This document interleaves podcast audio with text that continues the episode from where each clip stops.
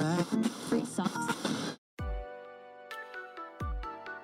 are listening to The Talkative Guy.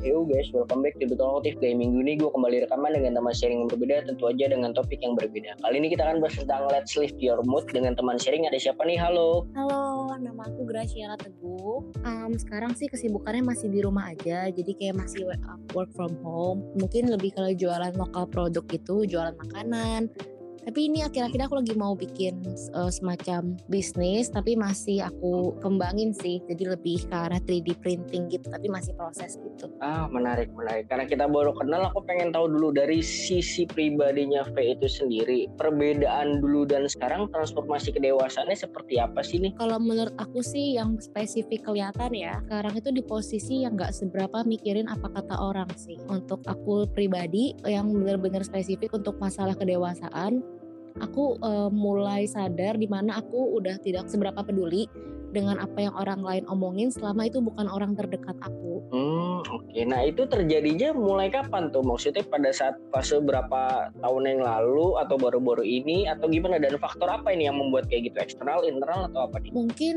kalau spesifiknya itu sekitar 2 sampai 3 tahun terakhir. Apalagi uh, pandemik begini ya. Jadi kayak tambah ah. terpicu untuk berpikir, oh uh, orang lain tuh nggak punya kontrol atas hidup kita gitu. Mau apa pun yang mereka omongin sepedes apa pun mereka omongin sebenarnya itu nggak pengaruh banyak sama apa yang kita jalanin gitu loh karena mereka cuma bisa berkomentar gitu. Ah oke okay, oke okay. berarti emang lebih kepada awalnya kan ada faktor eksternal terus akhirnya realize sendiri ya bahwa ya omongan-omongan orang itu nggak penting iya, kalau dari uh -uh. Oke okay. nah kalau ngomongin orang tua sedikit gitu aku pengen tahu nih orang tua kamu tuh mendidik kamu seperti apa sih dan pesan apa yang paling diingat sampai sekarang? Kalau untuk orang tua sendiri yang aku pegang sampai hari ini itu cuman kalau kamu pengen jadi orang yang berkualitas, kamu harus mastiin diri kamu berkualitas juga. Menarik. Uh, okay. Jadi kayak sedikit banyak lingkungan kamu tuh berpengaruh besar dalam hidup kamu. Hmm, iya ya, bener sih. Dan kalau misalkan didikan dari kecilnya seperti apa nih, Faye? Biasa kayak emang apa namanya disiplin banget atau gimana gitu dari orang tua? Kalau aku sih uh, orang tua cukup keras ya, entah itu memang dididik dari kelas dari kecil atau gimana kurang ngerti. Tapi memang basicnya tuh didikannya cukup keras. Jadi bisa dibilang hmm. kayak protektif gitu ya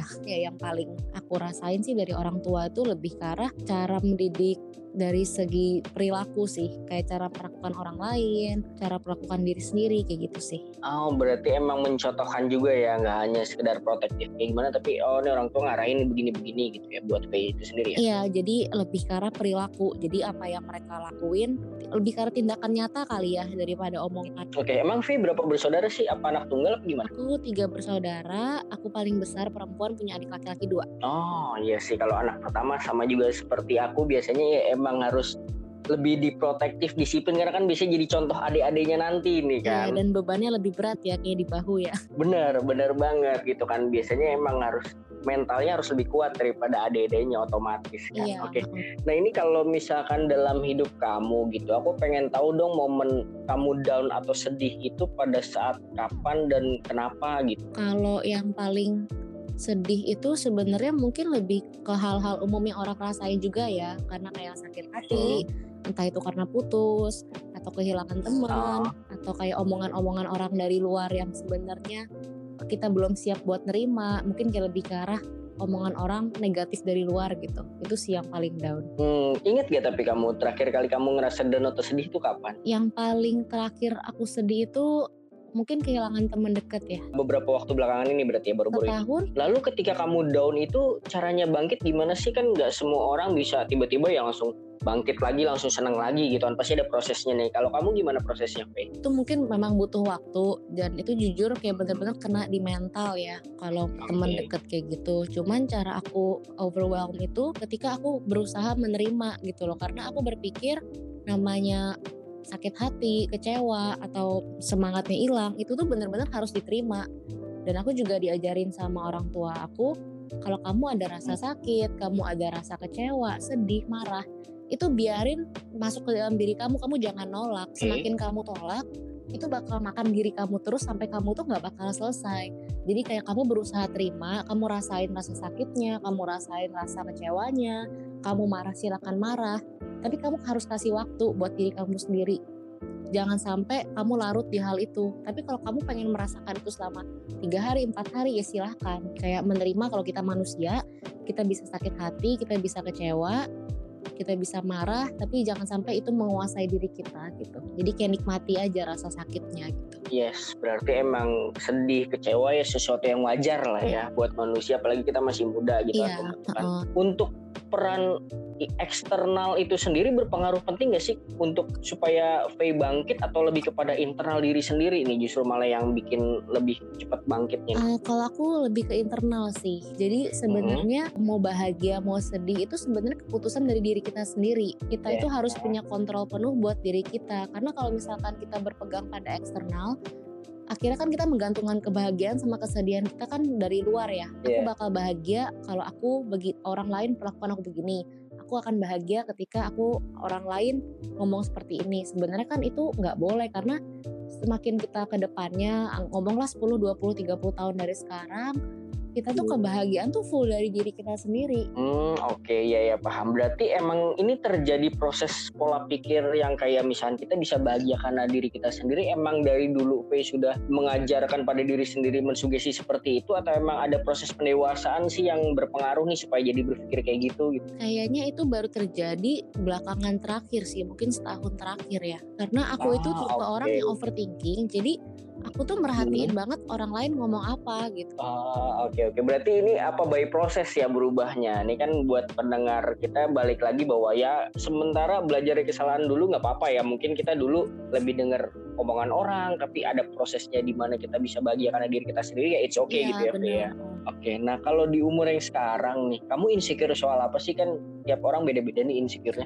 Mungkin kalau sekarang aku lebih ke insecure orang-orang yang udah settle kali ya. Settle-nya seperti apa? Settle income gitu, settle job, lebih ke situ sih insecure-nya. Oke, okay. ketika kamu mengalami insecure seperti itu, apa yang kamu lakukan? What to do next? Jadi berpikir gitu, oh gimana ya supaya bikin aku lebih produktif, supaya aku bisa settle juga gitu. Jadi lebih ke arah insecure aku tuh sekarang tuh berhubungan sama duit kali ya simpelnya. Karena kalau mikirin insecure lain sih uh, puji Tuhan udah tidak gitu. Cuman ya untuk saat ini insecure-nya gimana caranya aku bisa mendapatkan penghasilan tetap per bulan gitu. Oh gitu berarti jadi insecure kamu sebagai motivasi ya justru bukan sebagai terpuruk oh, down segala macam gitu ya. Oke nah ini kita pandemi kan ya udah bisa dibilang setahun lah di Indonesia. Hmm. Selama pandemi apa yang berubah nih dari aktivitas kamu dari pola pikir kamu apa nih yang bisa diceritain? Sebenarnya sih kalau pandemi ini yang paling berubah mungkin mental kali ya karena kan awal pandemi kan semua mentalnya kan keganggu ya. Benar. Semua orang jadi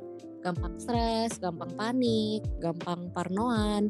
Jadi sih aku selama setahun ini lebih fokus jaga mental aku sih. Hmm, lalu dari segi kegiatan pengembangan diri lebih gampang apa kayak gimana gitu? Kalau pengembangan diri kan mungkin lebih gampang ya karena hmm. aku jadi lebih belajar gimana fokus sama diri sendiri gitu. Gimana caranya aku nyayangin diri sendiri mungkin. Ah, karena oke okay. itu ada hikmah di balik pandemi iya, ya berarti. karena aku tuh terlalu mikirin orang lain jadi nggak pernah kayak mikirin diri sendiri gitu tapi ya gara-gara ada pandemi ini sisi positifnya aku lebih care sama diri sendiri gitu sih di masa yang sekarang ini nih di detik inilah gitu kan kamu terhadap pandemi ini sudah bisa beradaptasi atau masih mencoba struggling untuk beradaptasi dengan keadaan pandemi sekarang ini? Kalau sekarang sih udah detik mulai comfort ya, karena udah berjalan setahun jadi kayak udah ngerti posisi aku di mana aku harus ngapain udah cukup bisa berdamai sih sama diri sendiri oh, oke okay. berarti emang lebih belajar menerima kenyataan nih bahwa kayak pandemi kayak gini kayak udah hidup berdampingan kali ya sama kita udah harus lebih kepada move on iya. aja gitu tetap aktivitas mm, seperti gimana kembali kan kayak tadi gimana caranya bangkit dari down jadi kayak lebih ke arah penerimaan sih semua ada hal yang memang kita nggak bisa kontrol di hidup kita dan kita memang harus hidup berjalan berdampingan gitu oke okay. nah ini ada tips atau masukan nggak buat pendengar kita yang seusia kamu nih yang lagi sama-sama menghadapi masa pandemi kayak gini juga gitu apa aja yang mau disampaikan gitu? ya simpelnya itu sih seperti yang umum orang rasain ya kalau memang kamu ngerasa sedih uh. kamu ngerasa kecewa marah sampai benar-benar depresi itu jangan berusaha dilawan gitu loh kamu jangan berpikir aku harus seneng aku harus seneng itu jangan berpikir kayak gitu dulu. Kamu semakin nyiksa diri kamu. Jadi lebih fokusnya itu kamu terima rasa sakitnya. Gak apa-apa kamu nangis kamu nangis. Kalau kamu bisa teriak ya gak apa-apa teriak aja.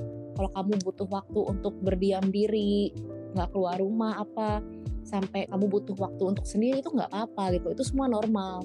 Kayak kita tuh harus mulai start menormalisasikan hal-hal seperti itu gitu loh karena kalau misalkan rasa sakit itu berusaha kita lawan kita tuh nggak bakal bisa. Jadi mending diterima kita kasih waktu. Itu analoginya itu seperti kayak tamu ke rumah ya nggak apa-apa masuk silahkan kita kasih teh kita kasih makan tapi jangan sampai dia berlarut-larut gitu loh. Kita lebih ke welcome sama perasaan-perasaan seperti itu. Dari situ kita bisa belajar lagi gitu kalau aku sih kayak gitu. Oke nah ini kamu cerita di WA kalau misalnya kamu orangnya ekstrovert gitu. Sebenarnya kamu tahu ekstrovert itu dari dulu kan mungkin dari SMA kuliah apa kayak gimana? Atau gimana sih prosesnya nih? Um, aku mulai tahu kalau aku ekstrovert dari aku SMP jadi aku tuh suka ikut organisasi-organisasi. Terus aku juga senang ketemu orang banyak. Aku juga uh, merasa nyaman untuk berada di tengah-tengah orang banyak. Tapi sebagai seorang extrovert gitu yang ibarat kata ya punya banyak gampang lah bergaul lah supel kayak gitu suka ngerasa exhausting atau kayak draining gitu gak sih dengan di luar dengan luar atau um, enggak? Lumayan sering sih kadang ya maksudnya walaupun ekstrovert hmm. sendiri pun kan nggak selalu semerta-merta harus ketemu orang banyak terus kan ada waktu di mana iya. kita ketemu orang banyak kita ngomong terus kita bercanda ngomong-ngomong yang mungkin topiknya berat atau ringan seharian full itu energi drain juga sebenarnya apalagi kalau lawan bicaranya kurang masuk ya cuman ya hmm. paling aku cuma butuh waktu sebentar mungkin untuk waktu sendiri aku kadang makan sendiri aku mungkin me time sendiri entah itu ngapain gitu tapi setelah itu ya udah balik lagi biasanya. Cuman ya pasti ada titik di mana exhausting itu pasti ada. Hmm, oke. Okay. berarti sebagai seorang extrovert pun kamu ngerasa ya me time itu perlu ya buat iya me time ya? itu penting banget sih. Dan aku udah di titik kayak aku nggak takut buat melakukan aktivitas sendiri. Entah itu sebelum pandemik ya nonton sendiri makan sendiri itu nggak masalah sih. Ya ya ya bukan berarti apa apa kita lakuin sendiri itu kesepian atau kayak gimana ya. Banyak stereotip yang seperti itu kan. Tapi emang lebih kepada kadang orang kalau emang nggak cocok atau lagi pengen sendiri ya sendiri aja gitu nggak iya, masalah iya, ya. sekarang tuh kita jangan berpikir orang sendiri tuh kesepian gitu loh. Justru kita tuh di titik yang kayak kita tuh harus nyaman sama diri kita sendiri dulu, baru kita bisa nyaman sama orang lain kadang tuh persepsi persepsi nah. kebanyakan orang itu kayak aku tuh baru bisa nyaman kalau ada orang lain. Itu sebenarnya salah sih kalau menurut aku. Ke depannya kita tuh bakal hidup sama diri kita sendiri sebenarnya. Harus sayang sama diri sendiri dulu baru kita bisa sayang sama orang lain kalau aku sih kayak gitu. Oke nah ini kan tadi kamu bilang kadang-kadang suka overthinking dengan omongan omongan orang segala macam gitu. Tapi seberapa pengaruh sih maksudnya adalah dalam artian omongan orang sampai bisa merubah keputusan hidup kamu atau kayak gimana atau masih dalam taraf wajar aja gitu? Kalau dulu sih lumayan parah ya kayak misalkan orang lain ngomong uh. hal yang mungkin nyakitin gitu kalau uh, spesifiknya kayak uh. ngejek gitu misalkan kayak ngomong kamu tuh kalau kayak gini bodoh tahu nggak? gitu loh. Kamu tuh kenapa sih terlalu berlebihan? gitu. Dulu aku tuh bener-bener mikirin oh aku ini ternyata di mata orang begitu. Kalau misalkan sekarang berarti lebih kepada tadi yang seperti tadi kamu bilang adalah lebih bisa menguasai internal dalam iya, diri kamu ya? bukan ke bodoh amat ya beda ya.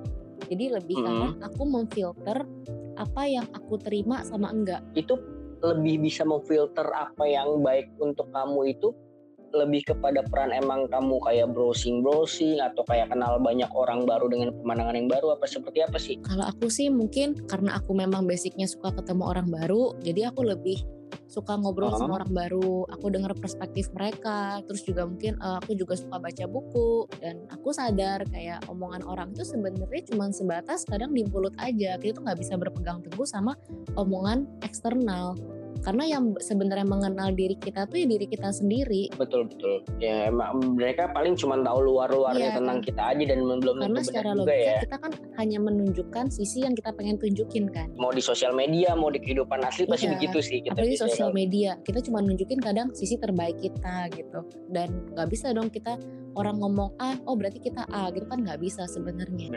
Nah ini kamu bilang di WA pengen jadi wanita yang independen. Emang independen versi kamu seperti hmm, apa sih? Kalau aku independen menurut aku itu perempuan yang bisa berdiri di atas kakinya sendiri sih.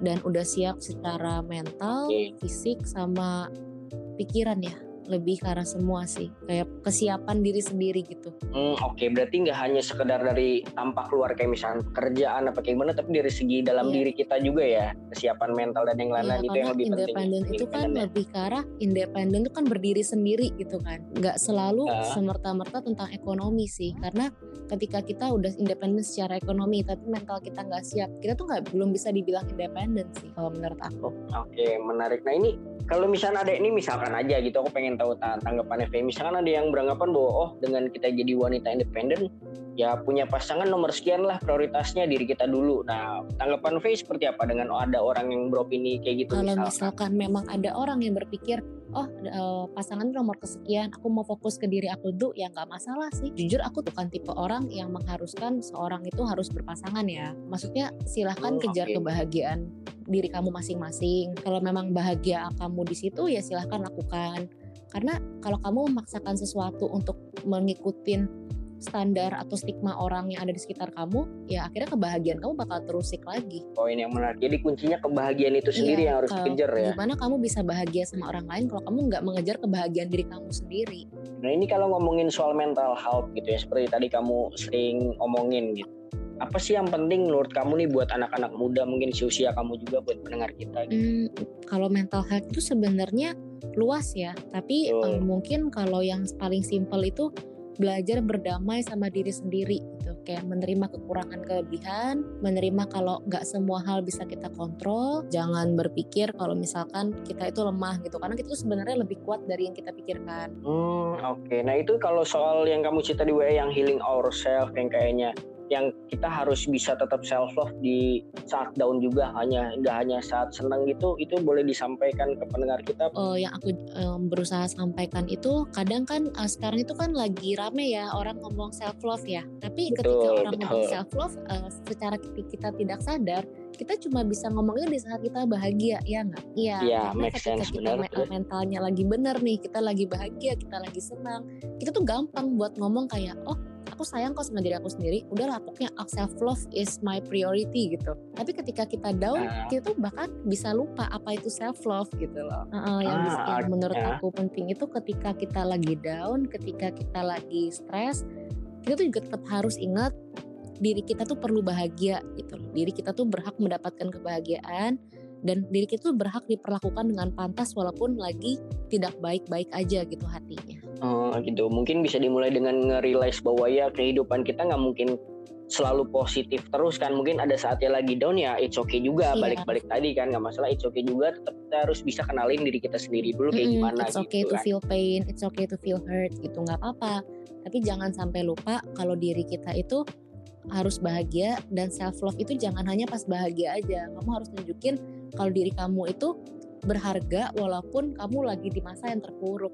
Oke, nah ini soal mood itu sendiri gitu kan. Banyak pendengar kita apalagi yang masih muda kayak ngerasa aduh gak mood nih, gak mood nih, gak mood nih, bosen deh pakai gimana. Nih menurut kamu sendiri, Faye, bagus gak sih kalau kita ngikutin mood terus gitu selagi muda? Kalau kita gitu? ngikutin mood lagi itu sebenarnya nggak masalah tapi kebanyakan kalau kita terlalu ngikutin ah. sampai berlarut-larut itu sebenarnya kita ngikutin ego kita ya. Ah, okay, karena sebenarnya okay. kalau kita dikit-dikit gamut dikit-dikit gamut itu sebenarnya kita tuh uh, harusnya mulai belajar buat ngelawan ego dalam diri kita sendiri ya nggak sih? Aku setuju sih. Yang nggak mereka sadar adalah bahwa mood itu ya egonya mereka sendiri gitu. Mungkin ngerasa mood kayak udahlah nggak apa-apa sekali-sekali. Tapi kadang nggak berasa bahwa ya, ya kayak halnya gitu misalkan kan. kita males-malesan kerja. Sebenarnya kita memang punya pilihan untuk tidak mengerjakan uh. itu jadi kayak enggak ah males enggak ah males. Sebenarnya bisa. Cuman semakin kita berpikir kita nggak bisa kita jadi kayak menjadikan itu sebagai habit gitu loh. Yang akhirnya lama-lama bisa jadi watak kita dan itu pun kan harus dicegah gitu loh. Makanya aku bilang kita tuh harus punya kontrol penuh atas diri kita terhadap segala sesuatu. Mungkin memang sekali dua kali pasti kelepasan. Tapi ya itulah mungkin proses belajar ya. Aku pun hmm. sampai hari ini masih belajar gimana caranya aku mengontrol diri aku sepenuhnya sih. Benar-benar ya namanya untuk kebaikan pasti berproses ya. Dan prosesnya itu ya harus maksudnya dinikmati walaupun panjang kan. Balik-balik lagi seperti itu kan apalagi iya, kita kan juga muda, sebagai kan. anak muda nggak ada berhentinya belajar kan ya? Benar benar. Dari sharing-sharing seperti ini kan kita saling belajar perspektif dan pengalaman juga kan. Jadi bisa diambil yang baik dan buruknya iya, juga bener. kan bisa dipelajarin gitu. Oke. Nah ini untuk kamu sendiri menjaga kesehatan mental kamu tuh punya cara-cara tersendiri gak sih atau kegiatan apa gitu? Kalau yang paling utama yang sekarang aku lakukan untuk menjaga kesehatan mental sih lingkungan aku ya. Aku memprioritaskan okay, diri aku dan mengelilingi diri aku sama orang-orang yang baik untuk aku dan membantu aku untuk bertumbuh. Menjaga mental health aku itu ketika aku emosi, ketika aku marah, ketika aku ingin meluapkan segala sesuatu, biasanya aku uh, lebih ke arah sebisa mungkin menahan emosi aku karena aku tuh dulu tipe orang yang kalau emosi aku luapkan itu sekarang aku lebih fokus karena aku berusaha menahan diri aku untuk diam. Mungkin setengah jam sejam sampai emosi aku turun. Baru aku mulai mencari teman atau mungkin pasangan yang bisa aku ajak ngomong apa keluhan aku sih? Jadi lebih karena mengontrol emosi diri sendiri sih. Karena ketika aku udah mulai marah membentak itu mental aku bakal keganggu banget. Yes, yes benar-benar dan membawa vibe-vibe yang negatif juga kan ke lingkungan sekitar kita yang pada saat kita lagi ya, emosi itu kan pastinya itu kita kan. meluapkan segala sesuatu nggak bisa ke orang lain. Yang akhirnya bikin orang lain juga ya. stres akhirnya bikin suasananya kan nggak baik. Betul betul. Dan keputusan yang bagus juga jarang kan. Maksudnya tidak terjadi pada saat kita lagi oh, emosi seperti, yang itu banyak kan. kita sering dengarkan atau baca jangan pernah menentukan segala sesuatu di saat kita marah gitu karena itu sebenarnya bakal jadi penyesalan kita sendiri. Yes, benar. Nah ini kalau kita ngomongin sosial media, Instagram deh contohnya, pengaruh negatif positif ke kehidupan kamu seperti hmm, apa sih, Fai? Kalau untuk saat ini sih sosial media mungkin sangat berpengaruh ya. Kita bohong kalau kita bilang tidak berpengaruh. Cuman ya platform okay. jenis apa atau apa yang kita lihat tonton lagi yang itu bakal berpengaruh sama kita. Jadi ya itu sebenarnya lebih ke arah pribadi masing-masing apa yang seharusnya kamu lihat sama enggak. Cuman mungkin memang sosial media itu semuanya kita nggak bisa filter ya. Kayak semua hal baik buruk tuh semuanya ada. Yeah. tapi ya itu kembali ke diri sendiri pernah merasakan pengaruh negatif gak dari penggunaan sosial media itu sendiri gitu? Mungkin kalau negatifnya kita jadi kadang itu bisa membandingkan hidup kita sama orang lain. Karena kan hmm, okay, ya, ya. seperti yang tadi Kak Bobi bilang kita itu di sosial media itu selalu menunjukkan sisi terbaik kita dan kadang kita bisa ngeliat kehidupan orang oh bagus banget ya. Oh orang ini beruntung banget ya. Nah ini yang terakhir aku pengen nanya nih kan karena doa-doa baik kan kalau disebutin dan diceritain didoakan banyak orang kan tahu kejadian gitu kan. What's next? Jadi lebih karena uh -uh, segala omongan tuh doa jadi kayak manifesting gitu ya. Betul ya, kalau ya. dilihat tiga tahun ke depan dihitung dari sekarang itu mungkin tiga tahun terkesan lama juga enggak ya. Bisa dibilang bentar juga. Bukti kita benar. menjalani pandemi setahun. Uh ya dibilang lama ya lama bentar ya bentar gitu mungkin tiga tahun ke iya. depan aku sih berharapnya aku udah settle ya dari segi income amin amin dari apa nih maksudnya mau bisnis kah kerja kantoran kah atau gimana sih kalau aku sih lebih ke arah sendiri ya mungkin entah itu kadang itu nggak selalu tentang uang ya tapi lebih ke arah gimana kita produktivitas dalam diri kita sendiri gitu. hmm, oke okay. emang lokal produk seperti apa sih yang dikembangin yang kayak tadi 3D printing itu atau apa gitu yang pengen nanti bikin kayak jadi settle gitu struggle banget di situ berusaha banget di situ. Aku itu tipe sih? orang yang welcome ke semua hal gitu. Jadi kalau misalkan memang oh, apa pun yang bisa aku kerjakan akan aku kerjakan gitu Cuman aku memang speciality-nya di, di food and beverage kan. Hmm, oke, okay. menarik nih. Siapa tahu nanti kita bisa ngobrol-ngobrol dengan tema yang lain, tema F&B atau kayak gimana kan kita bisa sharing-sharing hal positif lainnya gitu kan. Iya, boleh. Selama 4 sampai 5 tahun terakhir kan bergemu, bergumul di dunia food and beverage sih. Hmm, oke okay, oke. Okay. Nanti kita off the record aja lah ngobrolnya kalau misalnya soal itu. Nah, ini sebelum udahan dipromot dulu dong Instagram Faye, siapa tahu pendengar kita ada yang mau tahu. Iya, Instagram aku @gracialafay, golo from Romeo Alpha, Charlie India Echo, London London Alpha, Fanta Echo India. Biasanya gunain Instagram buat apa nih kalau V ini? Aku sih tipe orang yang suka sharing ya di Instagram, kayak misalkan aku sharing kehidupan personal aku. Aku tuh suka nge-share-share poetris gitu loh, Kak. Hmm, aku suka okay. sih. Uh -uh.